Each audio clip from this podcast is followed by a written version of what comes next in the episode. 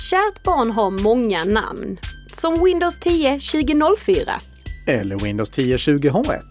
Eller Windows May 2020 Update. Eller Windows 10 Vibranium. Det är dags för veckans avsnitt av Bli säker-podden.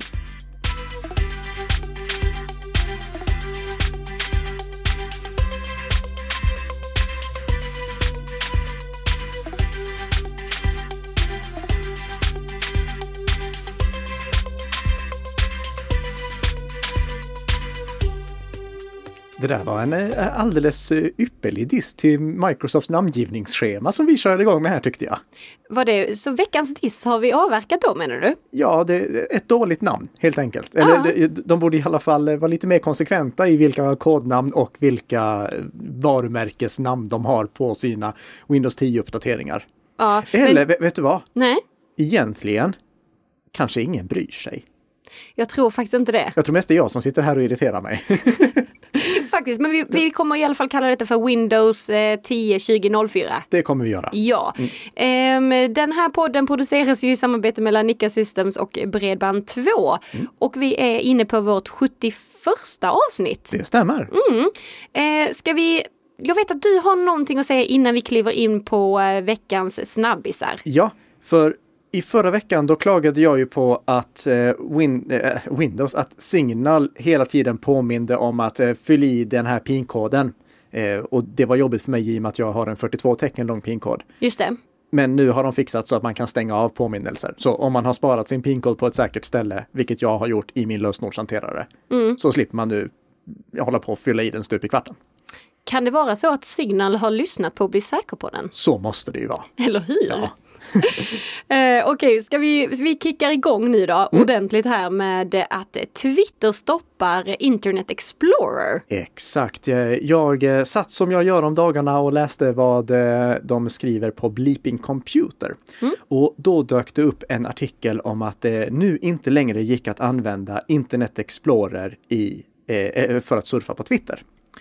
Och det är ju för att Twitter har gjort det här nya grafiska gränssnittet som inte är kompatibelt med den här urgamla utdaterade webbläsaren Internet Explorer. Så fram tills nu så fick de som använde Internet Explorer den gamla Twitter-versionen, men nu är den liksom nedlagd. Så om man har Internet Explorer nu och går till twitter.com, då får man bara en notis där det står att man måste använda en modern webbläsare. Och det är någonting jag uppskattar. För vi har ju i många tidigare avsnitt pratat om att Internet Explorer numera bara är ett kompatibilitetsverktyg. Så det är bara någonting som man använder för typ interna webbapplikationer som inte har uppdaterats för att följa moderna webbstandarder och därför behöver en sån här gammal webbläsare med alla gamla funktioner och gamla funktioners sårbarheter för att fungera. Man ska inte använda den för att surfa på publika webben.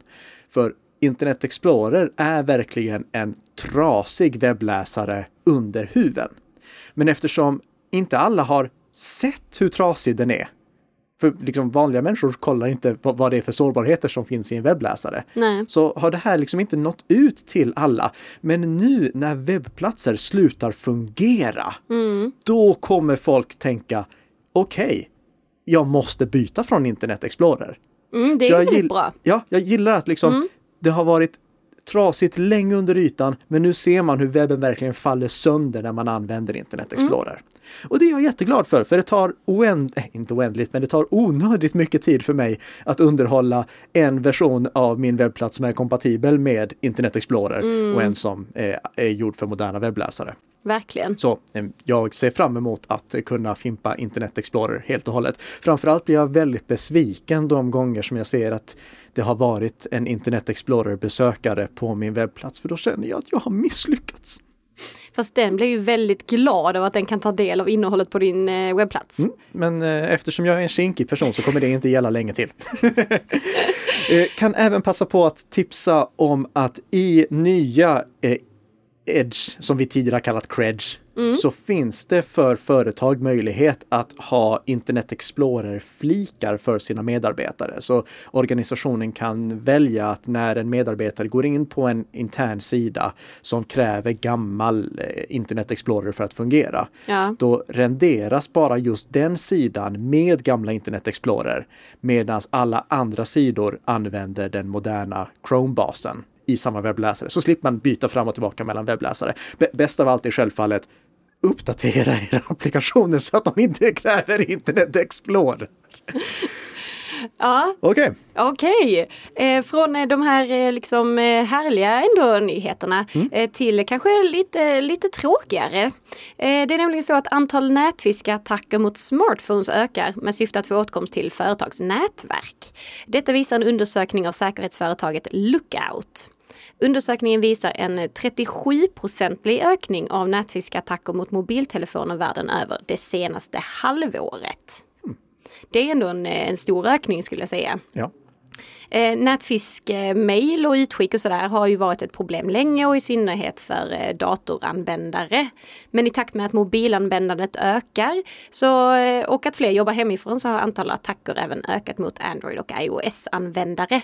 Och då är det framförallt via så smishing, det vill säga via sms eh, och meddelande via sociala medier. ja. Ehm, och på en mobiltelefon så är det inte heller lika lätt att så här förhandsgranska IRLer. Man får inte alltid heller se den liksom fullständiga eh, länken egentligen. Eller URLen. Nej, det är ib- ibland förkortas den och då måste man hålla tummen på själva länken för att få upp vart den egentligen går. Och ibland så är det ju kortlänkar som används i sms, vilket är ett problem i sig som vi troligtvis ska prata om i ett eh, väldigt snart stundande avsnitt. För det, Ja. det ser en väldigt fin trend inom kortlänksvärlden. Är- Prenumerera på Bli säker på den så missar du inte den spaningen. Exakt. Ehm, och sen så är vi ju också mer ovana helt enkelt vid att kunna detektera de här via till exempel sms Ja. eller ehm, ja, via mobilen helt enkelt. Mm. Eh, och därför blir det också mer motiverat för angripare att lägga ner sin tid och energi på att skapa sådana här nätfiskeutskick. Ja, så de, de ju preparerar ett eh, nätfiske-sms eh, där det står typ att någon eh, ska få, eller, eller någon har delat en bilaga med en på Office 365, eller förlåt, Microsoft 365 heter det nu, eller Google G Suite och så klickar man på den länken och då behöver man logga in för att få åtkomst till den. Precis. Men när man loggar in då skickar man i själva verket inloggningsuppgifterna till en bedragare. Och det kan vara svårt att se i och med att länkar eh, förkortas och även när man klickar på länken, vilket man självfallet inte ska göra, eh, och liksom kommer till den här sidan som man leds in på, då kan det vara svårt att se fullständiga adressen. Det, det här använder jag bland annat i de- den träningen som jag gör för organisationer. Där lägger jag liksom en lång adress i början. Jag tar en eh, Alltså om det hade varit Bredband2, då hade jag skapat en nätfiskattack på domänen bredband2.com.loginppkdf2.info. Så att när den som utsätts för attacken kollar på den här länken, då ska de bara se, okej, bredband2.com, login någonting, okej, det är säkert rätt. Precis, exakt. Mm. Och eh, det är ju, det är ju väldigt, väldigt, väldigt tråkigt i alla fall. Och då kan ju de här inloggningsuppgifterna, om man då skulle logga in på en sådan sida, eh, göra att angripare kan få åtkomst till eh, till exempel sen eh, företagsinloggningar inloggningar och sådär. Ja. Mm. Men då har vi ju såklart två saker som man kan göra för att det här inte ska ske. Och vad är det Nika? ja, den första saken det är klicka inte på länkar. Som vi har sagt så många gånger Ja, förr. mm. Klicka inte på länkar. och aktivera tvåstegsverifiering. Så att om eh, du skulle råka läcka ditt eh, användarnamn och lösenord så ska inte angripare kunna göra någonting med det användarnamnet och lösenordet eftersom det också krävs en sexsiffrig kod eller en eh, liten YubiKey för att kunna logga in. Och en tredje bonus här, som organisation informera och utbilda medarbetare om de här utskicken. Just det. Mm. Just det. Sådär. Eh, men du, vet du vad? Vi har ju förr pratat om Sodino Kiwi. Så Dino Kibi. Ja, och nu har vi ju en del tre. Jepp. Eh, Så Dino Kibi låter som en söt Pokémon-figur. men det är i själva verket ransomware as a service. Alltså kriminella kan använda Sodinokibi för att utföra utpressningsattacker. Inte lika sött som namnet låter alltså? Nej, Nej. Det, det, samma eh, skadeprogram heter Revil. Eh, oh. Det, det, låter eh, betydligt mer allvarligare, men jag tycker mm. Sodinokibi låter sött så jag kommer fortsätta kalla det för det. Eh, första vågen med Sodinokibi-attacker, det var sådana här klassiska utpressningsattacker där angriparna attackerade en organisation, krypterade organisationens filer och krävde en lösensumma för att återställa filerna. Mm. Problemet för angriparna här, det var att om organisationen hade bra backup, då återställde de backupen. Och då fick utpressarna inga pengar. Nej, det är tråkigt för dem. Så därför började de göra som vi pratade om i något avsnitt sen, att de först tog filerna mm. innan de utpressningskrypterade dem. Just det. Och sa, om ni inte betalar, då får ni inte tillbaka era filer och dessutom så publicerar vi filerna på nätet så att andra kan komma åt era företagshemligheter. Mm. Och jag vet inte hur det har gått för angriparna, men nu rapporterar Bleeping Computer. Bleeping Computer kom med två gånger här idag. Det är en wow. väldigt bra sida. Ja. De har nämligen gjort en fantastisk upptäckt. Nu har Sodinokibi börjat anordna auktioner. Så det är inte bara det att de utpressningskrypterar filerna. Nej. Och inte att de publicerar eh, utpressarnas, eller de filer som de har kommit över på nätet. Utan mm. nu anordnar de också aktioner för att tjäna pengar på, okej, okay, här har vi ett offer som inte har betalat lösensumman. Vad budar ni för att få åtkomst till de här filerna? Alltså deras affärsmodell är ju galen. Ja, det är ju som vilken organisation som helst. Mm, de är uh. uppfinningsrika. Ja, verkligen. Mm. Ja, det får man ju ge dem ändå. Det, det är alltså väldigt smart tänkt. Ja. Väldigt smart tänkt.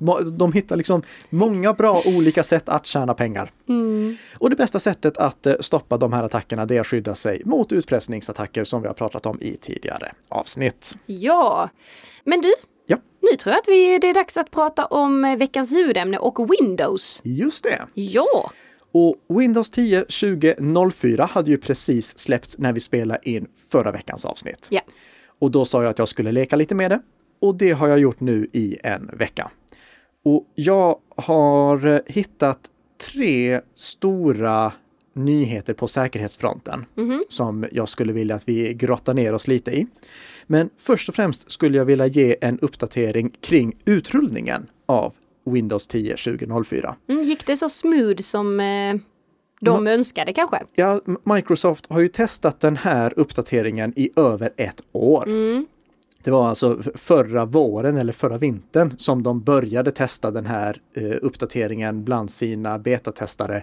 Just för att det inte skulle bli de här problemen som har varit vid tidigare utrullningar av funktionsuppdateringar. Mm. Men som jag sa, man ska vara lite försiktig med att installera den direkt för det kan liksom upptäckas barnsjukdomar ändå. Och det har det gjort. Ja. Så, så, Microsoft har pausat utrullningen av, eller, eller delvis pausat ska jag säga, utrullningen av den senaste funktionsuppdateringen. Okay. Om ni som lyssnar på podden öppnar Windows Update och letar efter uppdateringar då kommer er dator kolla om det finns en funktionsuppdatering att installera. Men det kommer kanske stå att den senaste funktionsuppdateringen inte är tillgänglig för din dator än. Mm -hmm. Och det är i så fall för att Microsoft har identifierat att något program du använder eller någon hårdvara som du använder har visat sig ha problem med den senaste uppdateringen. Och då får du vänta lite till innan Microsoft eh, liksom släpper uppdateringen. Så det är ändå ett ganska smart sätt att eh, säkra att inte det blir jättemycket problem för slutanvändare. Ja. Och vi har lyckligtvis inte sett några sådana katastrofhändelser som inträffade med, jag tror det var Windows 10, 19, 03 uppdateringen, alltså den som släpptes för ett år sedan, mm. där plötsligt filer försvann för att det skapades en ny användare och filerna kopierades över till den användaren. Och så vidare. Eh, så det, det, det, var stora problem, eh, inte för alla, men för så pass många att Microsoft fick pausa utrullningen. Mm. Men inget sånt än då? Inget sånt som, inget kritiskt vad jag har sett Nej. än så länge. Nej. Och igen, det, det, är alltså inte panik att uppdatera till den här funktionsuppdateringen, för det är bara säkerhetsuppdateringarna som är viktiga att installera direkt. Mm. Funktionsuppdateringarna, de som Microsoft släpper två gånger per år, och förhoppningsvis sluta släppa två gånger per år och börja gå ner till ett, eh, en gång per år istället. Eh, det, de kan man vänta lite med. Mm. Men vad har du nu hittat här då? Man blir ju lite nyfiken. Ja, det första som jag märkte när jag eh, uppdaterade till eh, den här 2004-versionen, det var att Cortana hade fått en mer prominent plats. Vad är Cortana? Det är Microsofts virtuella assistent som är, alltså, tänk dig som Siri fast sämre. Okej. Eh, eller som eh, Google Assistant fast mycket sämre. Mhm. Jag... Eh, det, det här är helt irrelevant att prata om egentligen, för den funkar inte ens i Sverige. Så, men det, det, det var det första som jag märkte att okej, okay, de har gjort någonting med Cortana. Ja. Men vi, vi struntar i Cortana eh, för att eh, det ändå inte funkar i Sverige. Och vi fokuserar på de tre stora säkerhetsmässiga fördelarna. Och den första stora fördelen som jag har sett, det är att numera så kan det inbyggda klientskyddet i Windows också skydda mot så kallade PUAR. Vad är det? Ja, PUAR har vi pratat om vid några tillfällen tidigare. Det är Potentially Unwanted Applications. Mm. Alltså inte skadeprogram, men program som du ändå inte vill ha.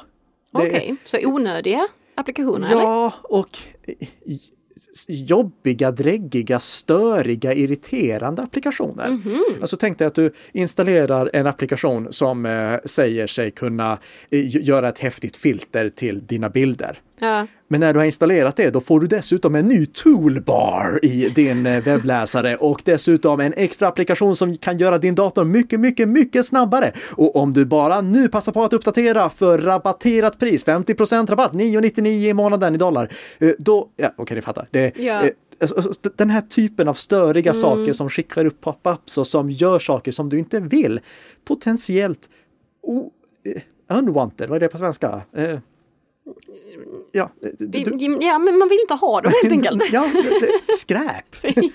ja. Eh, Det Oönskade kanske man kan säga. oönskade applikationer.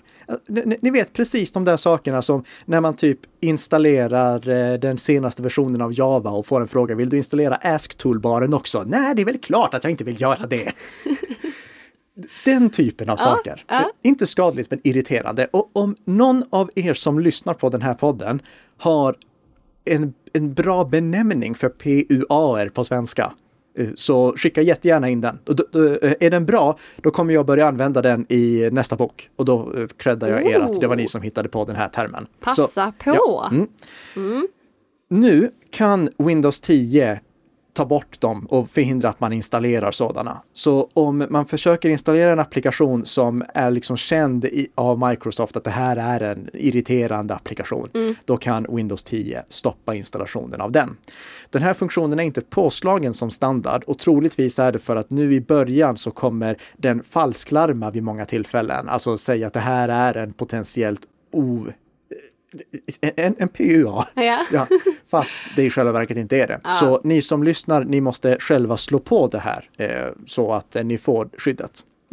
Kommer säkert slå på oss automatiskt i framtiden, men än så länge så finns funktionen där, men den är avslagen som standard och det gör ni i säkerhetsinställningarna i Windows 10. Men det låter ju väldigt bra i alla fall. Ja, Ja. Eh, och kostar ingenting. Nej? Sen har vi stöd för VPA 3. Okej, och vad är det? Vad är det? Ja, då måste, eller först och främst innan vi pratar om det så ska jag säga att när jag pratar om VPA 3 och VPA 2 och VPA så syftar jag på WPA 3, WPA 2, WPA. Eh, Jag vet inte varför vi i branschen säger bara VPA och VPA 3. Det går snabbare. Ja, det, men eh, ja, det, det, det är troligtvis eh, svaret där. W tar lång tid att säga. det gör ju det. Men i, i alla fall, då, eh, nu- så har Windows från och med Windows 10 2004 stöd för VPA 3. Och det är det nyaste sättet att skydda trådlösa nätverk från obehöriga anslutare. Vi har haft egentligen fem generationer med trådlösa nätverkssäkerhetsmetoder. Vi har haft oskyddade nätverk, vi har haft VEP, vi har haft VPA, VPA 2 och nu VPA 3.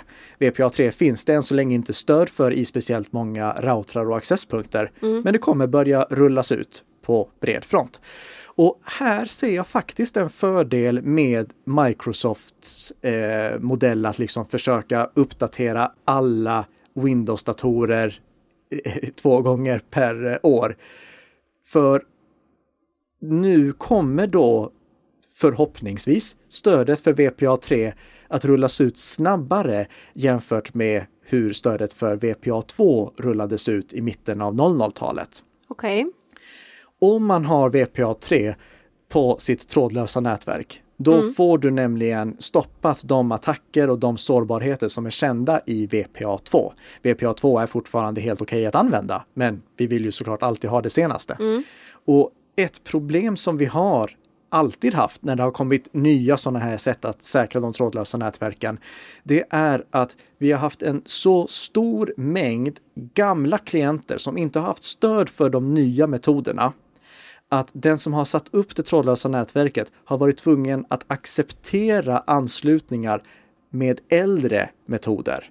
Alltså eh, om eh, man sätter upp ett eh, trådlöst nätverk idag, mm. då kan du säga det här ska bara stödja VPA2. Men om vi backar tillbaka fem år i tiden, då hade du ofta det som var VPA, VPA2 Mixed Mode. Vilket okay. innebar att moderna klienter som stödde VPA2, mm. de kunde ansluta med VPA2. Ah. Men de gamla, de fick fortfarande ansluta med gamla VPA. Mm. Det innebar ju samtidigt att om en klient som eh, en angripare ville använda för att attackera ett trådlöst nätverk ville komma in genom att dra nytta av någon av sårbarheterna i gamla, gamla VPA. Mm. Då sa klienten bara, nej men jag stöder inte VPA2, har ingen aning om vad det är. Jag använder VPA.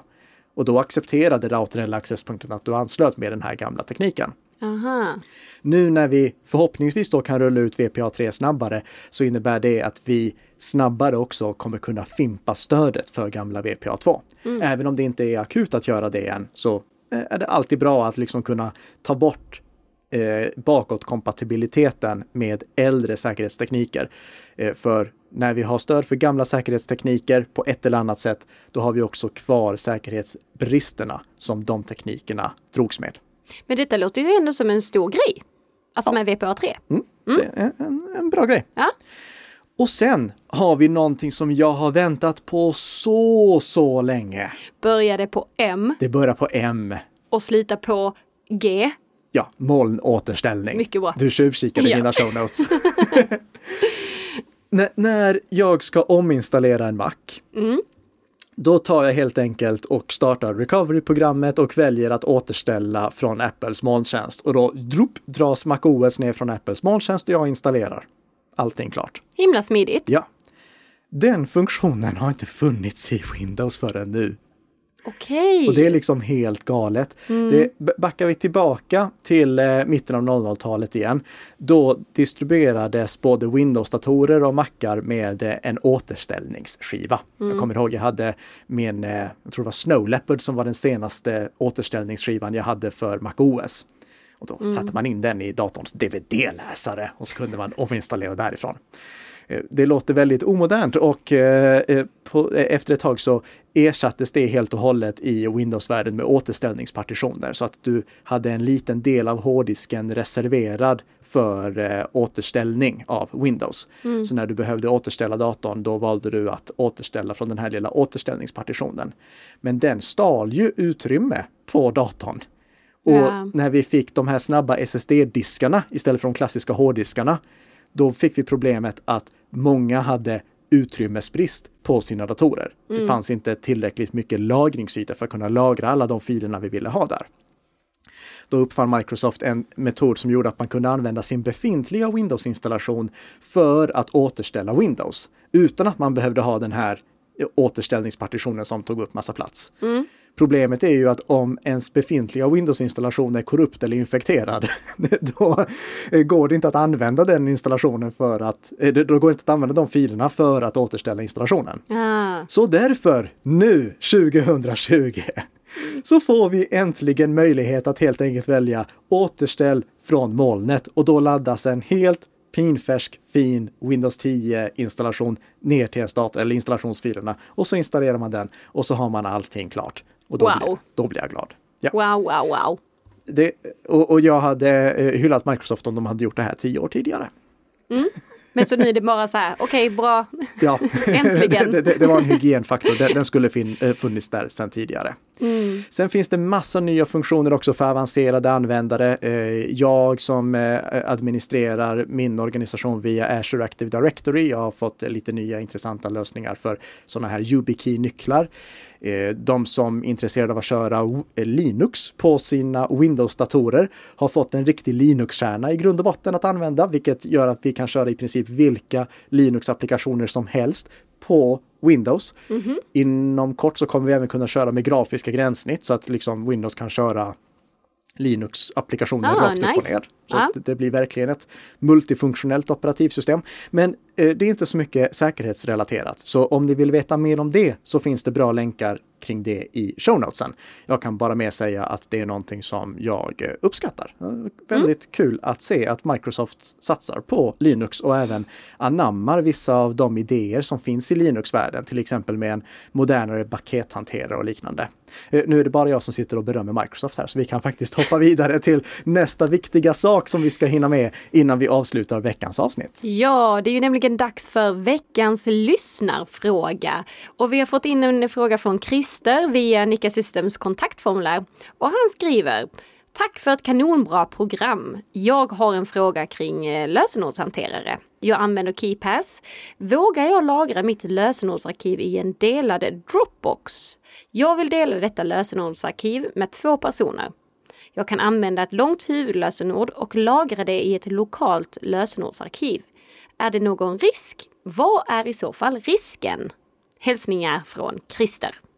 Ja, eh, ur ett säkerhetsperspektiv så är det här helt okej okay att göra. KeyPass är ju till skillnad från de lösenordshanterare som vi brukar prata om, som till exempel LastPass, OnePassword och Bitwarden, en helt lokal lösenordshanterare där du lagrar dina lösenord i ett krypterat lösenordsarkiv lokalt på din dator. Mm. Och om du vill få det lösenordsarkivet till andra enheter, då måste du själv ansvara för att synkronisera det på något sätt. Så att du till exempel lägger det i en molntjänst som ja, Dropbox i det här fallet. Och ur ett säkerhetsperspektiv är det helt okej okay att göra för att eh, du hade till och med kunnat publicera det publikt på nätet så länge som ingen annan har huvudlösenordet för att lös, låsa upp det lösenordsarkivet mm. så är innehållet där i skyddat. En obehörig kan bara se mängden data som lagras i det lösenordsarkivet och när det senast ändrades. Det är liksom den metadatan, alltså informationen om informationen som läcker. Så jag ser inga problem med det ur ett säkerhetsperspektiv. Nej. Men jag hade absolut inte gjort det. Nej, okej. Okay. Ja. För det här låter som upplagt för synkroniseringsproblem. Mm. Om du har en lösenordshanterare som eh, använder en molntjänst som synkroniserar alla ändringar, mm. då kan du dela ut lösenord utan risk att liksom en användare skriver över en annan användares ändringar. Mm. Om du bara har den här krypterade blobben, eh, ditt KeyPass lösenordsarkiv, som du synkroniserar runt mellan olika användare, så är risken att två personer ändrar samtidigt och då har du två versioner av det här arkivet och vet inte vilket arkiv som är det rätta, vilket som är det senaste. Oj då, det låter komplicerat. Ja, och dessutom så kommer ju då användarna att ha samma lösenord som de loggar in med. Och jag tror det var så sent som i förra avsnittet vi pratade om vikten av att inte dela lösenord, att inte alla använder samma lösenord för att man då förlorar möjligheten att följa upp vem det är som gör vilka ändringar. Mm. Därför vill du mycket hellre ha de här lösenorden som du delar i en eh, i en eh, synkroniserande lösenordshanterare. Om du vill ha någonting som är öppen källkodsbaserat, precis som KeyPass, så finns Bitwarden Bitwarden är eh, gratis att använda för privatpersoner med begränsad funktionalitet. Och sen finns det en premiumversion där man kan få lite utökad funktionalitet. Den är mycket lämpligare att använda här i och med att hela synkroniseringsmotorn är byggd för att synkronisera lösenord och hålla koll på att inte det blir flera olika versioner. Plus att du får möjlighet att följa upp ändringar och alla kan ha sina egna lösenord för att logga in med till de här delade lösenorden. Alltså istället för att alla har ett och samma huvudlösenord huvudlösenord så har alla varsitt huvudlösenord, även om de huvudlösenorden ger åtkomst till samma krypterade lösenordsarkiv. Mm. Så jag hade definitivt kört på Bitwarden här istället och vill du inte använda deras publika molntjänst så kan du sätta upp en Bitwarden-lösning själv.